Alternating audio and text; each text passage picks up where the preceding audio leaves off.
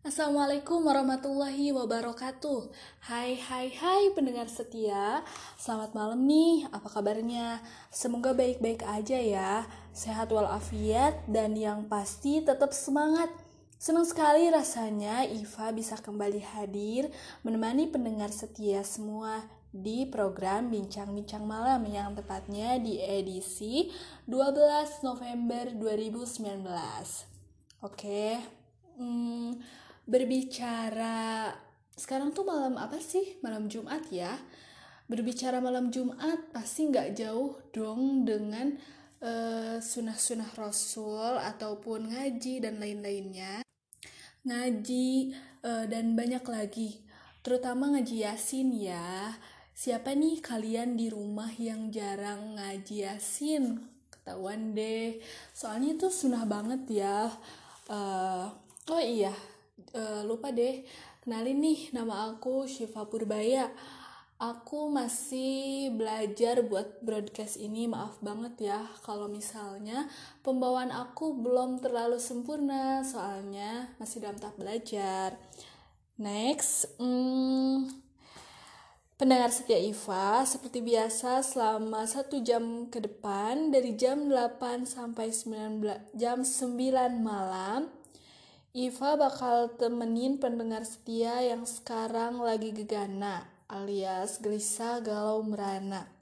Ataupun yang lagi seneng nih, gak tahu kenapa ya, mungkin habis jalan sama pacarnya atau bareng keluarga, ya kan? Nah pendengar, uh, kalian juga bisa nge-request lagu Indonesia maupun mancanegara loh. Atau ataupun titip salam, boleh dong. Oke deh, uh, tema buat malam sekarang yaitu tentang per pencin percintaan. Oke, kalian tahu nggak sih cinta itu apa? Apa apa loh? Menurut aku tuh cinta itu perasaan yang nggak bisa dilihat tapi bisa dirasain. Kalian semua yang malam Jumat sekarang jangan pada galau ya Uh, oh iya, aku mau kenalin teman aku nih dari kampus juga, sahabat deket juga. Kenalin nih, namanya deh Nisa Rizkia. Assalamualaikum Nisa. Halo sahabat podcast semua, sahabat podcast semuanya. Perkenalkan nama saya Nisa Rizkia Anugrah. Saya itu teman dekatnya Sipa yang kebetulan mungkin diajak Sipa buat ngobrol-ngobrol santai lah. Oke deh, uh, nih aku mau langsung wawancarai Nisa bukan wawancara sih tapi tepatnya lebih ngobrol santai aja. Oke. Okay. okay, menurut Nisa cinta itu apa sih? Cinta ya. Menurutku cinta itu ya tadi yang dibilang Ipa perasaan yang timbul e, menurutku cinta itu timbul tanpa alasan. Kadang e, kita melihat sesuatu uh, emang kan awalnya itu loh suka suka. Kemudian jika kita jika perasaan itu terus tumbuh maka itu dinamakan cinta. Itulah menurutku apa itu cinta? Oke. Okay. Uh, eh, itu menurut versi Nisa. Menurut versi Ipa sih tadi nggak beda jauh juga. Nah uh, Nisa pertama kali jatuh cinta uh, kelas berapa sih? Mulai S dari SD atau SMA atau dari sejak kecil? Uh, sebenarnya saya tahu cinta bukan artinya ya, tapi kata cinta itu waktu SD. Soalnya aku itu dicomblangin sama temen aku. Nah mereka bilang bahwa kita itu saling mencintai padahal aku nggak tahu apa itu arti cinta nah mungkin aku tahu arti cinta itu dari SD cuma kalau aku emang benar-benar ngerasain apa itu artinya cinta yang emang benar-benar nyaman lah gitu itu pas waktu SMA mungkin itulah. Oke okay ya. Uh, mungkin sama aja sama kayak yang Iva rasain. Iva mulai suka sukaan sama orang sama cowok itu dari mulai kelas 3 SD. Oke, dari kelas 3 SD sih cuma rasa suka aja ya. Belum ngerti tuh yang namanya pacaran. Ya ngerti-ngerti aja sih cuma lihat teman-teman aja. Tapi nggak uh, sepenuhnya ngerti juga. Oke. berbicara tentang cinta seperti itu. Nah, eh, aku mau tanya Nisa nih, Nisa pernah nggak sih ditembak sama cowok? Ceritain dong eh, kisahnya gimana nih? Aduh, ditembak sama cowok ya? Iya. Eh, ditembak gimana ya maksudnya ditembak, Ditembak. sama pistol? Bukan, jadi ditembak hatinya supaya I love you Nisa gitu dan Nisa terima gitu loh. Oh, kalau itu sih pernah ya. Aku ngalamin ya bisa dibilang ditembak itu waktu MTS. Jadi dulu itu aku kan MTS-nya di pondok ya. Terus emang dulu itu kalau misalkan ada yang mau minta kita untuk jadi pacarnya itu lewat surat. Nah, kebetulan ada ada salah satu cowok yang emang ngirim surat terus dia itu bilang aku cinta kamu mau gak jadi pacarku ya mungkin eh, pengalaman aku, pengalaman aku waktu ditembak ya kelas entah dua lah entah entah tiga MTS gitu. Terus terus ya waktu aku pertama kali ditembak itu eh sebenarnya sih masih bingung. Eh terus emang takut juga. Soalnya waktu MTS emang gak mau pacaran. Eh emang udah banyak sih yang eh suka ngasih surat cuma emang jarang dibales sama akunya. Ya suratnya itu jarang dibales soalnya eh yang pertama emang aku itu belum terlalu tertarik mungkin ya sama laki-laki. Terus emang males aja. Terus yang ketiga ya mungkin emang aku emang belum ingin untuk deket-deketan lah sama laki-laki nah tapi waktu kelas 2 MTS ada laki-laki yang emang ngedeketin aku dan kebetulan aku juga emang suka lah atau ngefans lah bahasa sekarangnya sama dia Nah, waktu itu dia eh ya bilanglah aku cinta kamu, tapi aku nggak langsung ya aku terima. Soalnya emang di sana aku masih belum ingin untuk pacaran. Nah, aku bilangnya gini, eh ya udah kalau misalkan kamu cinta, jangan kita jangan pacaran. Tapi apa ya eh, istilahnya itu kalau dulu HTS hubungan tanpa status. Jadi kita itu cuma deket aja deket-deket aja. Cuma waktu kelas 3 MTS eh, nggak tahu kenapa nggak tahu masalah apa aku jadi jauh sama dia. Terus ada temennya dia cuma kakak kelas. Yang emang mungkin suka suka lah sama aku terus ngirim surat. Awalnya sih bukan ngirim surat cuma ngirim salam. Nah terus kedua kalinya dia ngirim surat.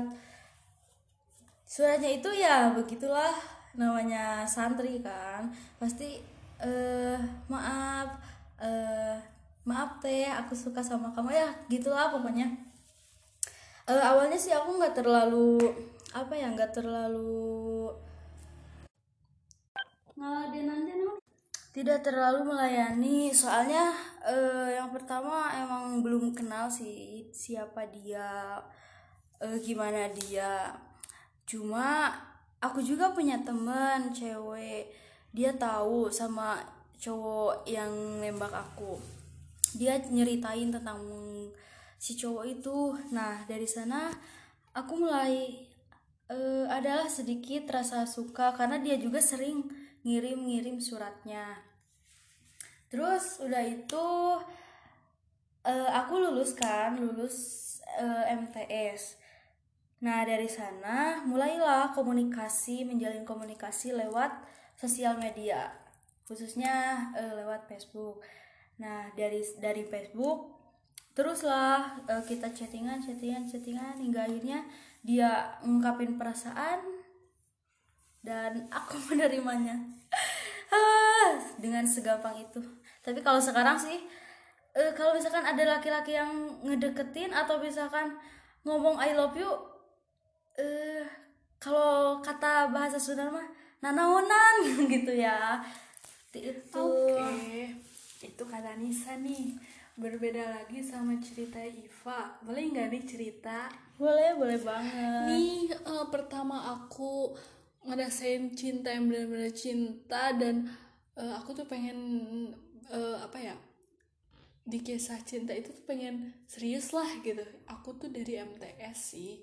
Dari MTS sih nggak terlalu uh, saya fix mau nikah gitu di usia muda MTS waktu itu. Tapi ya emang bener-bener pengen saling menjaganya tuh bener banget gitu. Aku pas waktu MTS itu kelas 1 pernah suka sama cutting. Eh cutting bukan cutting sih kakak kelas ya. Kakak kelas di pondok. Pokoknya suka banget. Tapi aku tuh tipikal orang yang judas pendiam terus eh, nggak uh, suka caper atau apalah. Aku sih judes banget orangnya ya. Nggak pernah ngeliatin bahwa aku tuh suka banget sama si kakak kelas itu. Eh diem-diem ternyata kakak kelas itu pun suka juga sama aku. Nah di sisi lain nih aku tuh sering cerita ya tentang kakak kelas itu ke temen deket aku sahabat deket aku. Ternyata ya sakit hati banget nih pokoknya. Yang ditembak siapa ternyata sahabat deket aku dan ternyata sahabat deket aku pun diam-diam suka banget sama si kakak kelas itu. Ternyata dia nusuk aku dari belakang. Sakit banget kan? Banget deh pokoknya. Dari dari semenjak itu aku sama sahabat aku tuh jadi jauh. Gara-gara hal sepele seperti itu. Oke deh next. Uh, masalah itu udah kelar deh ceritanya. Nah aku tuh dekat sama salah satu ustadz di pondok pesantren. Ustadznya itu ngajar bahasa Inggris ceritanya nih. Nah aku tuh di pondok itu tipikal uh, salah satu santri yang emang bener-bener uh, bisa lah dalam bahasa Inggris maksudnya tuh lancar. Jadi ustadznya tuh suka uh, ngasih soal atau lebih perhatiannya sama aku aja. Nah dari situ banyak siswa-siswa atau santri-santri yang emang bener-bener gak suka banget gitu kalau misalnya bahasa Inggris. Tapi perhatiannya si Ustadz itu sama Iva terus. Nah dari situ udah aja aku sih orangnya bodo amat. Kalau misalnya mereka nggak suka ya udah aku pun nggak suka. Ya udah hidup hidup aku hidup hidup mereka gitu udah deh aku intinya bodo amat lah orangnya. Nah di sisi lain aku dekat banget tuh sama ustadznya. Deket sampai ibu tuh deket banget sama ustadznya juga. Tapi ternyata pas ada uh, mahasiswa uh, santri baru ada nih kakak kelas juga tapi kakak kelas dari Alia ceritanya. Dia uh, kakak kelas aku aku kelas 2 MTS dia tuh kelas 1 aliyah kalau nggak salah. Nah di sisi lain ternyata diam-diam Ustadz itu suka banget sama si kakak kelas aku yang aliyah itu. Jadi deh akunya dicuekin. Ya deh sakit banget deh pokoknya ya. Tapi dari situ aku mulai bangkit dong. Masa sih nggak bisa move on dari saat itu? Nah sekarang sih move on ya udah udah biasa.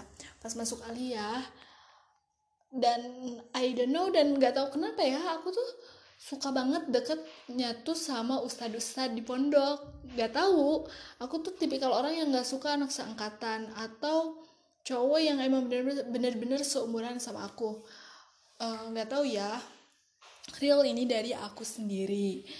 Nah pas waktu ceritanya masuk uh, jenjang aliyah SMA ya di situ aku mulai deket sama satu ustadz yang pokoknya tipikal ustadz yang uh, cerdas, pintar dan emang benar-benar tersohor deh pokoknya di pondok itu. Soalnya dia tuh uh, pintar dalam hal uh, ceramah terus Inggrisnya juga bagus terus dia salah satu guru uh, SMK juga di pondok. Oke deh dari situ deket nih tapi cuma diem-diem aja deketnya.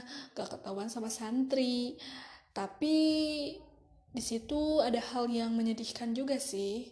Di pokoknya di akhirnya itu diem-diem ustadznya ngehit bah cewek lain. Dan ternyata akunya ditinggalin. Dan ditinggalin nikah deh. Ya Allah ngenes banget ya sumpah. Next udah itu aku mulai deket lagi pas masuk uh, kuliah aku mulai move on dari semuanya. Tapi banyak banget sih masuk kuliah itu banyak banget cutting yang ngedeketin. Oke okay. aku tuh masuk organisasi sebuah organisasi pergerakan di kampus ya. Di situ aku nggak tahu ya banyak pokoknya cutting deh yang mungkin modus gitu. Dan aku nggak tahu uh, mereka tuh niatnya apa. Ya mungkin untuk uh, biar si kadernya itu betah kali ya. Aku nggak tahu sih. Dari situ aku tuh pernah dideketin deh sama ketua umum dari organisasi itu sendiri. Ya gimana ya? Aku sih waktu itu mulai terima tapi ya nggak terlalu welcome sih sama orangnya. Dan ternyata diam-diam orang itu udah pacaran selama tujuh tahun dong ah sakit hati banget deh. Udah pokoknya. Itulah cerita cinta aku sendiri ya. Berbeda banget sama Nisa. Oke deh semua tuh pasti beda banget ceritanya. Next aku mau nanya lagi nih sama Nisa ya. Apa ya? Oh iya. Hmm, buat Nisa sendiri uh, Nisa ada uh, planning gak sih buat nikah umur berapa? Atau uh, proses buat nikah itu mending Nisa tuh pacaran dulu kah? Atau pengen langsung ditembak dideketin? Terus si cowoknya serius atau mau pendekatan dulu sama cowoknya langsung diseriusin? Kira-kira menurut Nisa tuh Nisa pengennya kayak gimana sih? Oke sahabat kalau misalkan Oke sahabat podcast kalau planning aku tentang pernikahan itu belum ada ya. Tapi emang setiap orang pastilah pengen yang namanya nikah. Eh uh, aku kalau sekarang sih masih ingin fokus kuliah dan emang ingin lulus dulu kuliah. Jadi uh, nikah nantilah setelah lulus kuliah. Soalnya emang perjalanan kita itu masih panjang. Uh, masih banyak yang apa ya yang harus kita perjuangkan. Bukan bukan cuma nikah uh, terus kalau misalkan proses uh, perjalanan ke pernikahan itu aku ingin seperti apa? Yang pasti um, untuk sekarang sih aku gak mau ya gak mau uh, aku gak mau ketemu sama yang namanya pacaran enggak buat hidup aku pacaran itu udah dulu. Sekarang gak boleh lah ada pacar-pacar lagi karena emang di Islam juga kan udah di apa ya udah ditegaskan gak bolehlah kita mendekati zina. Karena emang salah satunya pacaran juga emang kebanyakannya zina loh kan. Jadi emang e, kalau misalkan aku nikah e, paling ya taaruf dulu lah. Perkenalan antar keluarga antar budaya kita bagaimana.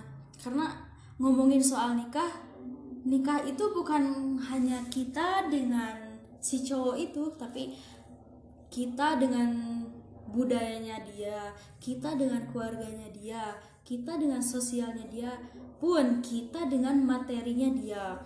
Jadi nggak sembarangan kan kalau nikah itu? Untuk sekarang sih aku belum ada planning yang benar-benar aku harus ini nih sebelum nikah. Aku harus umur segini nih kalau nikah.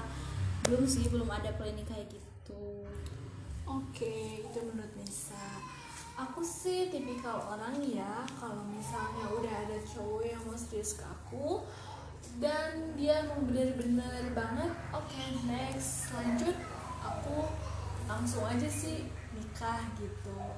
Tapi lihat dulu sikon juga sih, nggak langsung. Soalnya nikah tuh nggak mudah loh ya, banyak banget tantangan yang harus dilewatin, mulai dari uh, sikap antara aku dengan cowok cowok aku sendiri yang aku cintai misalnya dengan keluarganya dengan lingkungannya dan lain sebagainya. Dan itu gak mudah. Uh, harus siap mental siap ilmunya dan siap segala-galanya. Oke. Okay. terus masih bingung nih nanya apa lagi ya? Hmm, oke Oke, berbicara tentang rasa suka, Nisa pernah nggak sih suka sama seseorang? Terus Nisa tuh tipikal orang yang kalau suka sama seseorang itu lebih baik dipendem atau Nisa suka eh, deket sama orang tersebut atau gimana? Oke. Oke, sahabat podcast, bicara perihal suka. Menurut aku suka itu apa ya? Gak abadi. Maksudnya maksudnya gini nih. Kalau misalkan aku sama sesuatu cuma hari itu aja atau misalkan cuma satu hari, dua hari, seminggu, nggak sampai eh, berbulan-bulan ataupun terus-terusan melekat gitu sih rasa itu. Kalau misalkan aku suka hmm, aku kalau dulu sih tipikal orang yang emang eh apa pun atau sesuatu yang terjadi sama aku itu dipendam aku itu dulu gak bisa kalau misalkan ada rasa suka ataupun masalah apa pun berbagi sama orang lain. Jadi emang lebih sukanya udahlah sebisa sebisa kalau kalau misalkan masih bisa ditangani sendiri ya ya udah tangani dulu aja. Tapi kalau misalkan sekarang aku beda orangnya. Eh, kalau misalkan suka itu kadang emang suka curhat mau sama teman ataupun sama orang tua juga. Nah gitu. Itu sih kalau pengalaman suka aku. Ya karena emang menurut aku suka itu gak keterusan hanya selewat selewat selewat. Kayak ke barang aja weh misalkan aku suka boneka ya aku suka boneka panda. Udah weh besoknya bisa jadi aku suka boneka Hello Kitty. Nah kayak gitu Oke, jadi rasanya tuh nggak menetap selama-lamanya ya, Iya. Nis? Oke. benar sekali Kalau aku sih kalau masalah suka, tipikal orangnya diem. Gak bisa tuh namanya. eh, aku suka sama si A, terus aku tuh deketin si A terus. Enggak sih, aku tuh bukan tipikal orang kayak gitu ya. Kalau aku suka sama seorang, seseorang, misalnya aku suka sama si A, aku sih bakal diem orangnya. Malah aku bakal hmm, judesin mungkin ya. Oke sih gitu aja karena mm, suka ataupun rasa cinta itu anugerah dari Allah kata aku. Jadi ya berarti itu kita normal dong. Oke deh terus hmm, apa lagi ya? Oh iya Nisa pernah nggak sih ngerasain rasanya patah hati atau disakitin sama cowok eh, maupun itu cowok yang dekat sama Nisa apa pun apa pun itu pernah nggak sih rasanya sakit hati sama cowok karena Nisa tuh emang suka sama dia tapi ternyata dia tuh nyakitin hati Nisa atau apalah Oke oke. Bicara tentang patah hati atau sakit hati, eh menurut aku semua orang juga pasti pernah ya, terutama aku. Jadi dulu itu waktu aku pertama kali pacaran, beberapa bulan setelah jalan, eh, ternyata aku baru tahu bahwa aku adalah pacar keduanya. Sakit banget kan? Sakit ya banget Allah. banget eh ya emang emang bener-bener sakit sakitnya tuh di sini. Pokoknya sakit itulah yang pertama aku rasain ketika patah hati. Itu patah hati oleh pacar ya. Hmm. eh soalnya entah beberapa bulan aku dibohongi sama dia. Siapa yang gak kesel coba. Orang dibohongi. Eh padahal yang aku tahu dia itu baru putus sama pacarnya sebelum aku. Terus eh beberapa hari kemudian mungkin dia punya pacar atau emang itu pacar keduanya. Eh, terus dia nembak ke aku ya kalau misalkan aku tahu dari awal dia emang punya pacar ya aku nggak mau lah. Hmm, nggak mau lah jadi pacar keduanya. Tapi karena aku gak tahu dan aku pun mungkin cinta sama dia. Terus? Eh, jadi aku terima tapi eh, ternyata buah dari hasil aku terima itu adalah patah hati. Oke patah hatinya sepatah apa sih sepatah eh, pensil yang dipotong. Sih? banget gak sih? Iya sakit. Pasti sakit. Soalnya itu pertama kan pengalaman pertama aku digituin sama laki-laki. Nah dari situ efek dari aku sakit hati itu sampai sekarang aku gak mau benar-benar gak mau pacaran gak mau. Oke, tuh itu cerita dari Nisa ya. Kalau cerita aku sih kebanyakannya aku ditinggal nikah sih ya. Sakit banget kan, aduh ya Allah. Sakit itu Banget ya. sakit. Pas waktu aku mondok nih, sedikit cerita ya. Aku tuh deket sama salah satu asatid di pondok pesantren aku. Dia tuh asatid atau guru ya, ustadz yang bener-bener perfect lah dibilang kata para santri. Soalnya baik banget, pintar banget, pokoknya top lah. Nah, di akhir hubungan disebut hubungan sih nggak juga ya, tapi deket lah. Eh, si ustadznya bilang intinya mau nikah. Nah, pas waktu itu, pas besok mau akad ceritanya di masjid tuh diumumin kepada seluruh santri pondok pesantren eh, minta doanya buat salah satu ustadz di pondok kita yang besok mau melangsungkan akad pernikahan.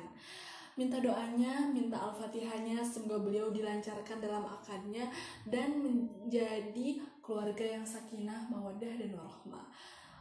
Di situ aku sakit hati dong. Aku ada di dalam masjid. Aku tuh di situ ya Allah benar-benar sakit runtuh hati aku tuh seruntuh-runtuhnya sampai kata teman-teman kata sahabat-sahabat aku sabar ya Fa insya Allah dia lebih baik kok dari ustadz itu.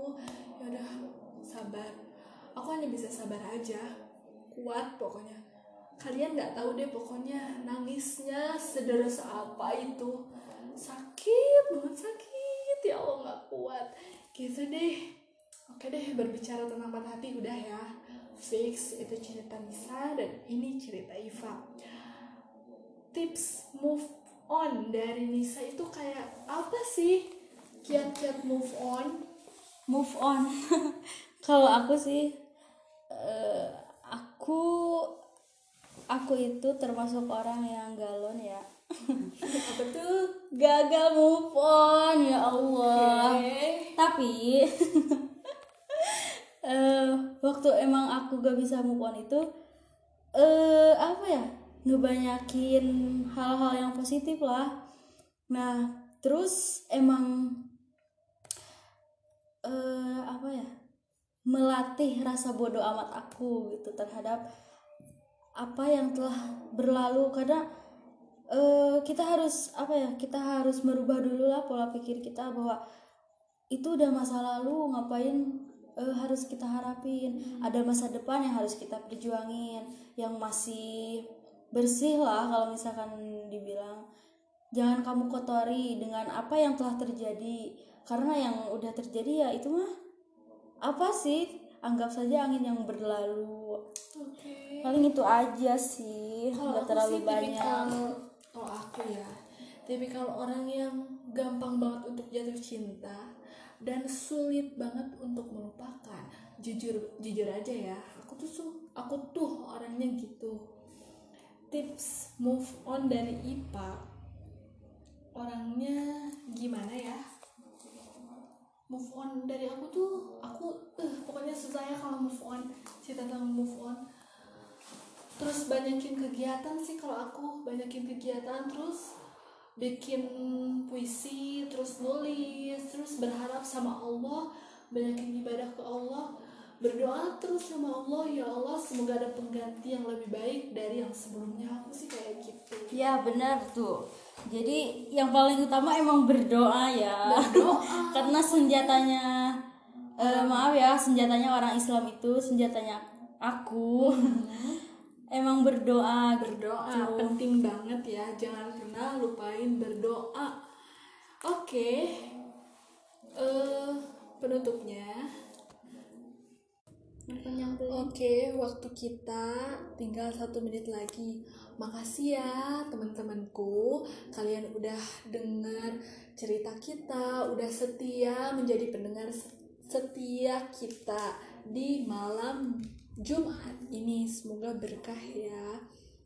berbicara tentang lagu kayaknya seru nih kalau misalnya kita putar lagu kira-kira lagu apa ya karena kita tadi nyeritain tentang cinta oke deh ini kita putar lagunya Kandas dari Evita Mala selamat mendengarkan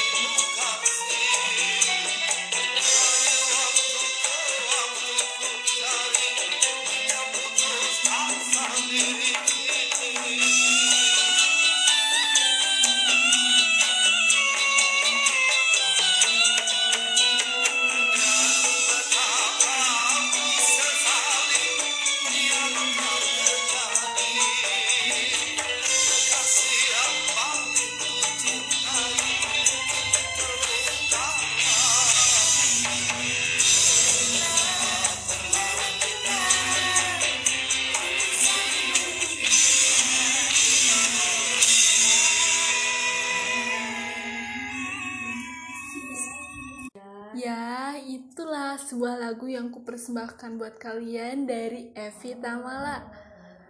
sekaligus menutup perbincangan malam kita hari ini. Oke, mohon maaf bila banyak kata-kata yang salah. Wassalamualaikum warahmatullahi wabarakatuh.